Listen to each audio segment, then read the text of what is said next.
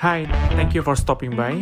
Welcome to the Underground Podcast, tempat di mana kita bakal ngobrolin topik-topik seputar jualan online dari seller dan juga untuk seller. Tanpa berlama-lama lagi, let's go down to the underground.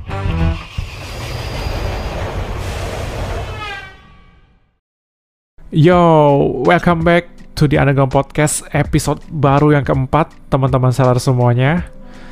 Wah, akhirnya nih kita nge-post lagi episode yang baru di tahun yang baru ini. And I think uh, belum terlambat buat kita say Happy New Year buat teman-teman yang dengerin podcast hari ini. Wah, kali ini kita uh, episode kali ini kita bakal lanjutin ngobrolin tentang topik yang udah kita bahas di episode sebelumnya, teman-teman. Kalau di episode sebelumnya kita mention ada empat hal yang penting buat kita kelola. Kalau di episode sebelumnya kita udah bahas dua, maka di episode kali ini kita juga mau bahas dua lagi teman-teman. Ya, gue saranin teman-teman yang belum dengerin episode sebelumnya, boleh balik dulu, bisa klik link yang ada di deskripsi video ini, supaya teman-teman bisa dengerin dulu topik yang gak kalah seru sama hari ini.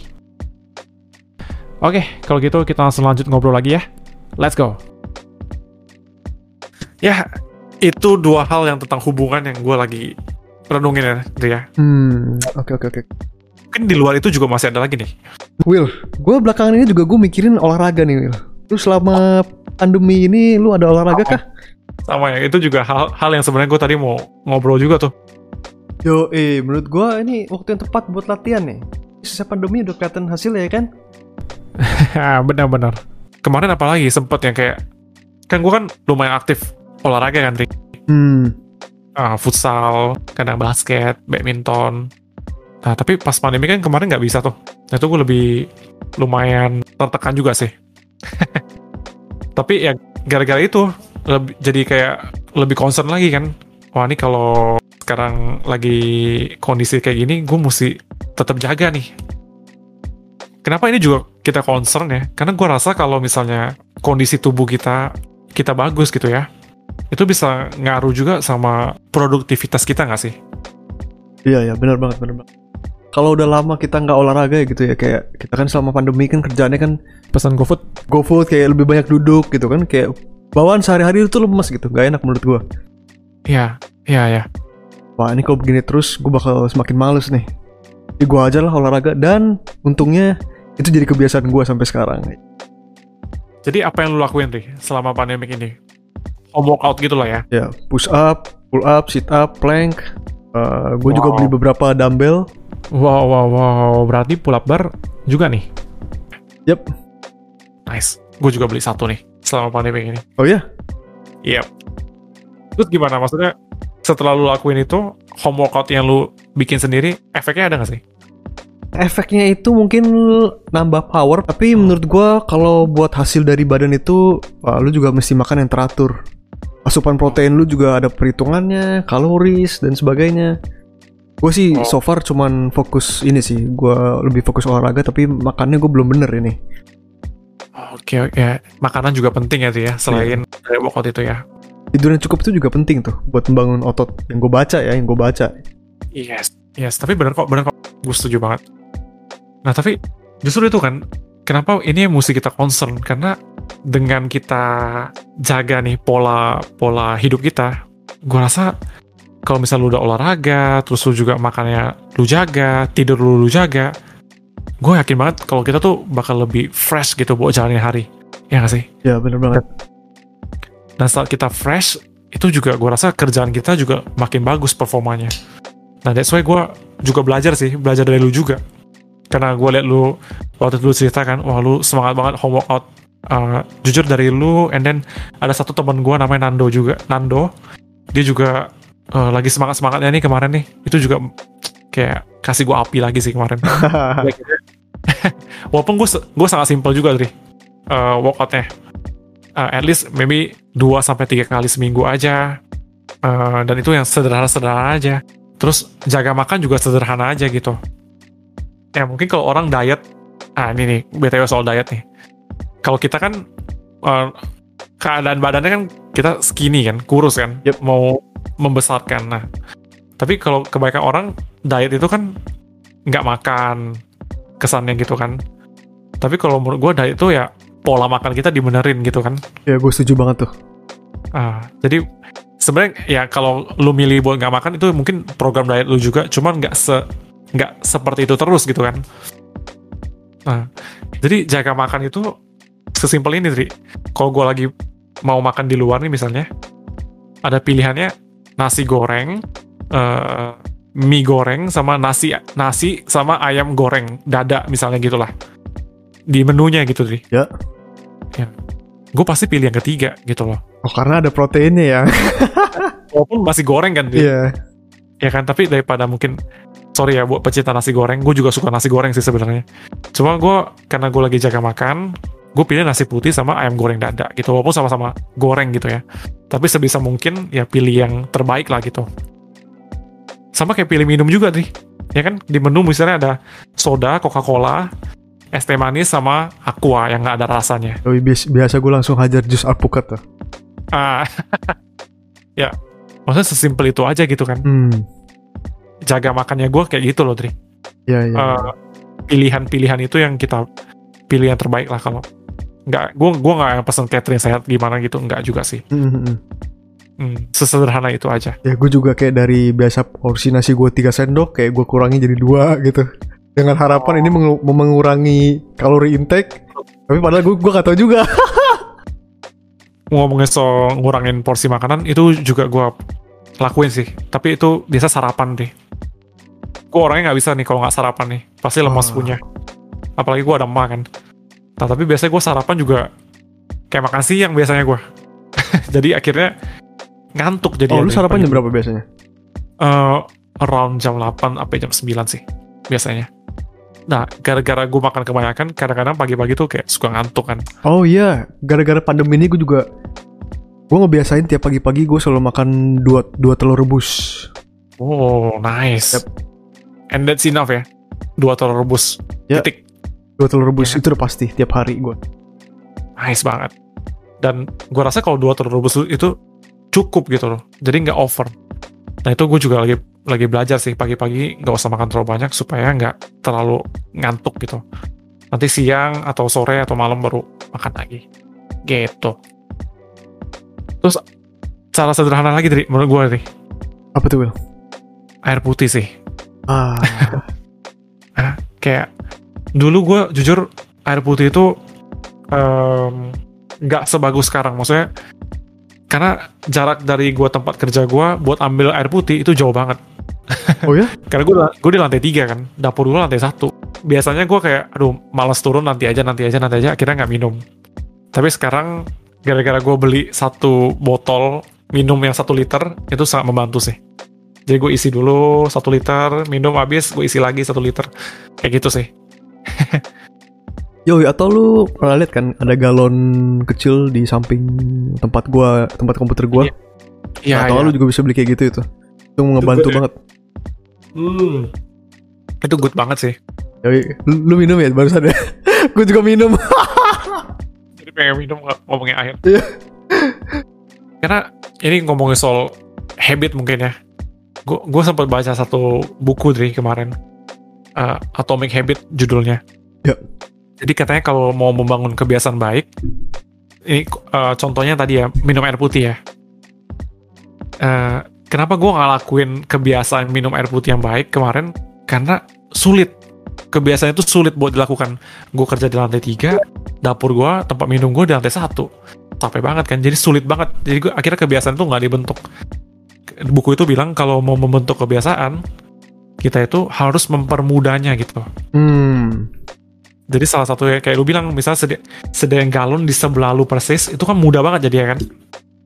Akhirnya kebiasaan bisa kebentuk atau mungkin lu bisa kayak cara gua beli botol minum yang gede satu liter. Jadi setiap kali mau minum oh ada di depan ma- mata lu nih, ada di meja lu nih, ada di meja lu nih, langsung minum aja gitu. Kayak gitu deh. Mungkin cara-cara simpel ya buat menjaga tubuh kita. Dan yang terakhir kayak lu bilang tidur yang cukup. Which is itu the hardest part sih for me hari-hari ini. Oh ya? Dapetin tidur yang cukup itu ya hari-hari ini kayak tidurnya agak late, bangunnya juga tidurnya kualitas tidurnya juga nggak gitu bagus, sering kebangun gitu. Gue juga sampai nge-google ini ya, kayak di website luar negeri, Reddit, lu tau kan? Tuh, Yes. Gue sampai google begini. Rata-rata jam tidur laki-laki. Oh. Dan di situ gue lihat orang-orang juga pada tidur sekitar 6 jam lah. Sama kayak gue mereka ternyata. Dan 6 jam itu sebenarnya kurang baik. Jadi yang tepat itu sebenarnya 7 sampai 8 sih. I see. Tapi tapi lu dapat nggak 7 jam sehari? Oh enggak, gue nggak dapet, nggak dapet gue. Lu masih berapa jam? Hmm, gue masih sekitar 6 lah. 6. Enam ya? Kalau udah 5, aduh tuh udah seharian tuh udah capek banget sumpah. Iya, ya ngaruh banget ya. Iya tuh, aduh lu bawaannya kayak mau ngapa-ngapain tuh males gitu.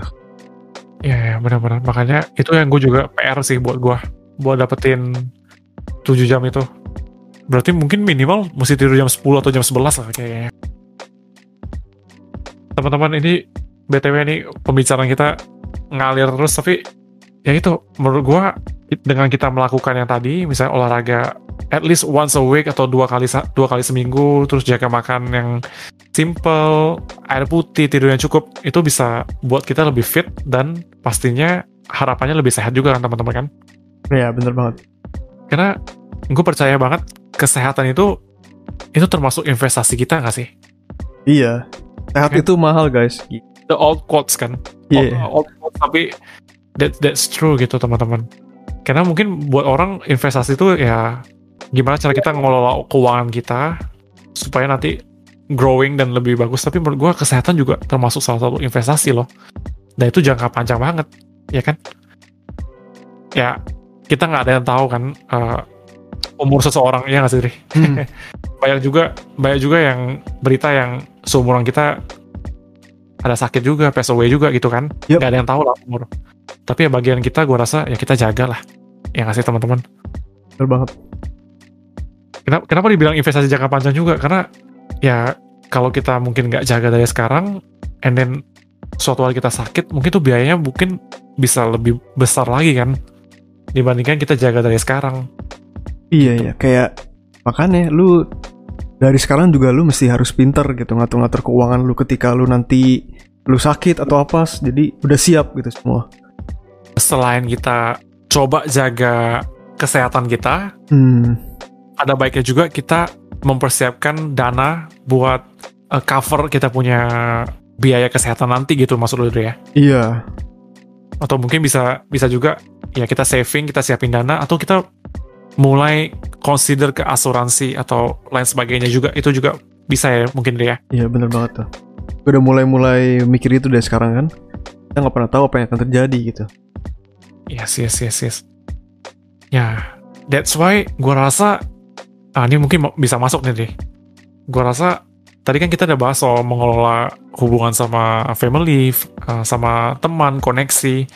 Dan kita juga bilang mengelola kesehatan kita, gitu kan? Dan gue rasa yang yang cukup penting banget di umur kita yang sekarang ini ya salah satunya ngelola keuangan juga sih. Hmm iya iya. Ngelola keuangan itu ya gue rasa tuh wajib sih, ya sih teman-teman. Apalagi buat kita-kita nih, buat uh, yang udah masuk ke dunia usaha, dunia kerja, ya gue rasa itu penting banget. A- atau enggak teman-teman yang kalau dengar ini ada teman-teman yang baru masuk ke early 20s gue rasa kalau teman-teman udah consider udah mulai aware sama ngelola keuangan dari awal dari sejak dini gue rasa itu jauh lebih bagus lagi. Nah Dri. Hmm. ngomongin soal kelola keuangan ya Dri ya. Ada satu hal yang gue bisa gue bilang satu cara yang dari dulu gue pakai sih buat ngelola keuangan gue secara pribadi ya. Oh ya? Apa tuh?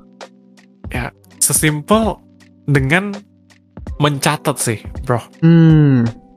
Karena gue merasa gue nggak, gue bukan orang eh, yang suka ekonomi atau gimana banget lah ya, bukan orang akuntansi juga atau apa. Cuman gue rasa, aduh ini kayak bisa dibilang kepedean atau enggak. Eh, tapi kita mesti kenal strength weaknessnya kita kan, deh. strength strengthnya gue gitu. Gue merasa itu di mencatat juga sih, deh. Hmm. Uh, maksudnya gue cukup ada niat lah buat mencatat yang gue catat tuh apa Uh, yang gue catat tuh buat mencatat pengeluaran gue sama mencatat pemasukan gue sesimpel itu sih Hmm, ya ya ya ya. lu lu gimana lu lakuin itu nggak Gua sayangnya belum sih. Gua cuma baru kira-kira aja. Kayak berapa persen gue masukin ke hobi gitu. gue buat gue pribadi Dri ada dua hal yang gue mau tangkapin yang pertama gak semua orang harus dengan cara yang sama dengan gua juga sih. Karena gue tahu mencatat bukan buat semua orang ya. Iya bener banget kayak gue. gue cuma membatasi sih itu aja sih.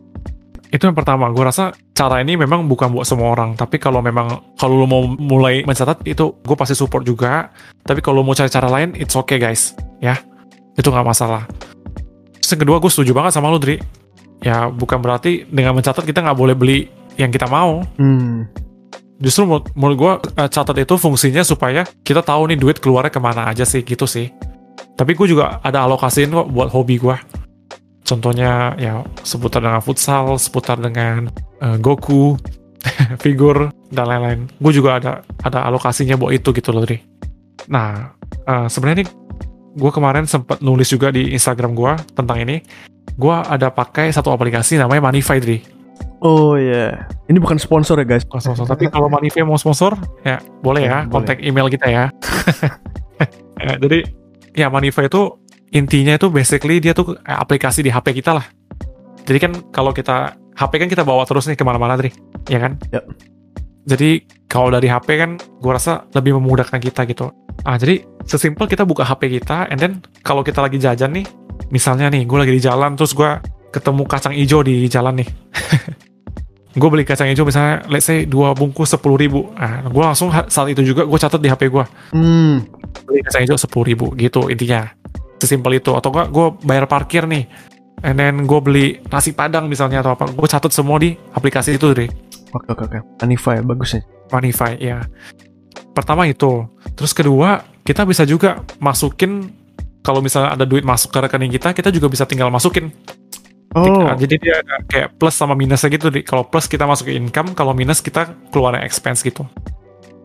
BTW guys, di Manify ini kita tuh bisa bagi jadi beberapa account ya. Kayak gitu tuh. Hmm. Misalnya contoh nih, gue bisa tarik ke sini nih teman-teman nih. Misalnya buat kita yang buka usaha nih.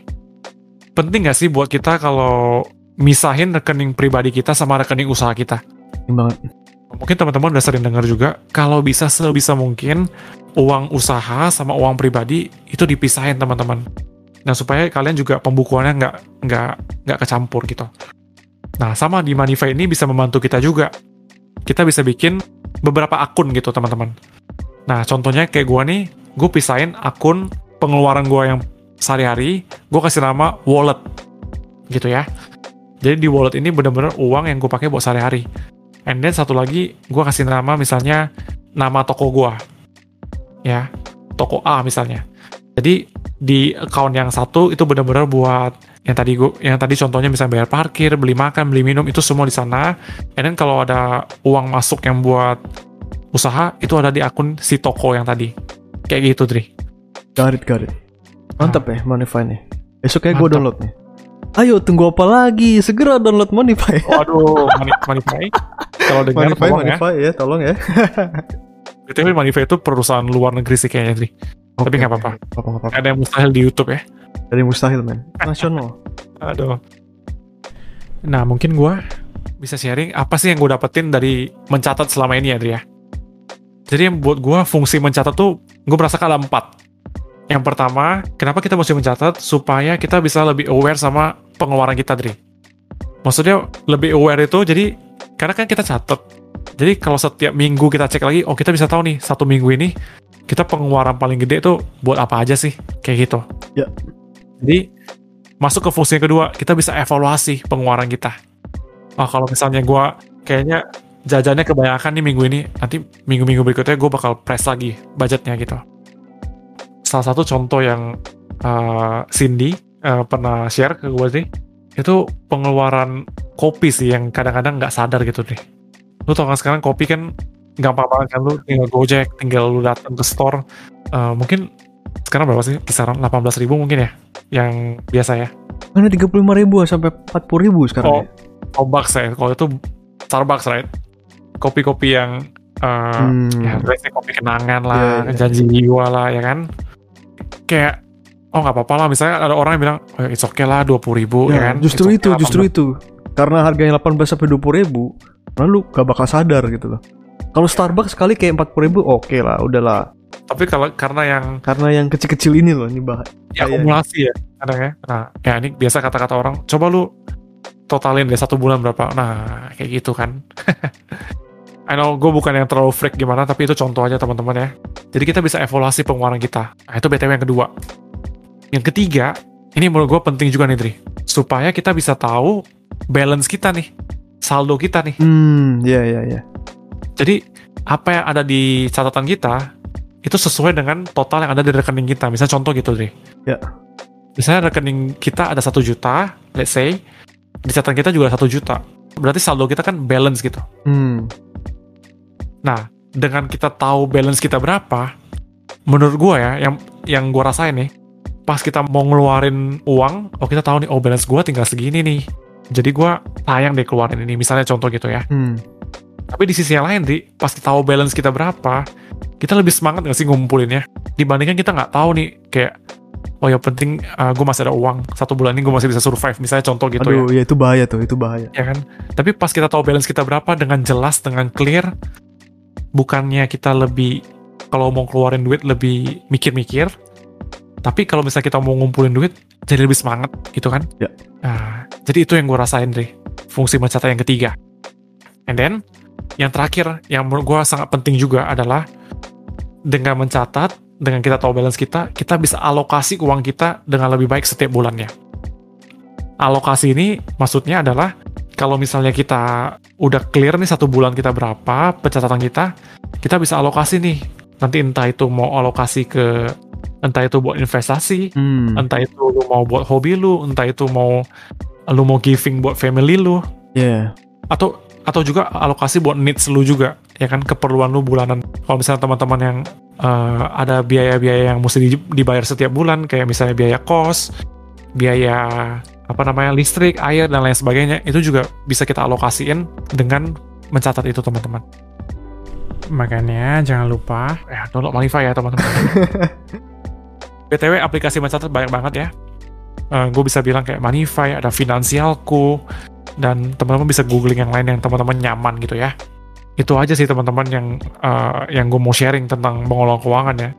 Dan itu yang gue lagi pikirin juga nih belakangan ini tentang mengelola keuangan dan gue rasa itu penting sekali ya. Yo, benar banget Will. Dengan kita bisa mengelola keuangan kita lebih baik, kita bisa start saving, ya kan? Yup. Tapi bukan cuma saving, berarti di sana. Pada akhirnya kita bisa berujung ke tahap selanjutnya di atas saving. Yaitu bisa ke investasi, ya nggak sih, Dri? Benar banget Will. Tapi kalau ngomongin investasi, mungkin kita bakal bahas next time kali ya, Dri, ya. Wah, ini seru juga nih. Instrumen investasi kan banyak macam nih. Wah. Topik yang menarik ya. Walaupun kita bukan expert ya, Dri, ya. Ya, kita cuman share pengalaman kita aja. Ya, tapi kita share misalnya yang udah kita masuk aja dari kayak reksadana mungkin atau belakangan ini kan lu kan masih di saham kan. Wah, Oh, iya. walaupun kita bukan bukan expert mungkin nanti kita bisa undang teman-teman yang lebih expert ya. Oke, Will, gila. Ini kalau gua nggak stop sih kita bakal ngobrol terus ini Will ya. Oke, mungkin sampai di sini aja episode 4. Kalau episode ini ada yang bisa kalian ambil, kalian bisa like, subscribe, itu notification bell, and see you guys at the surface.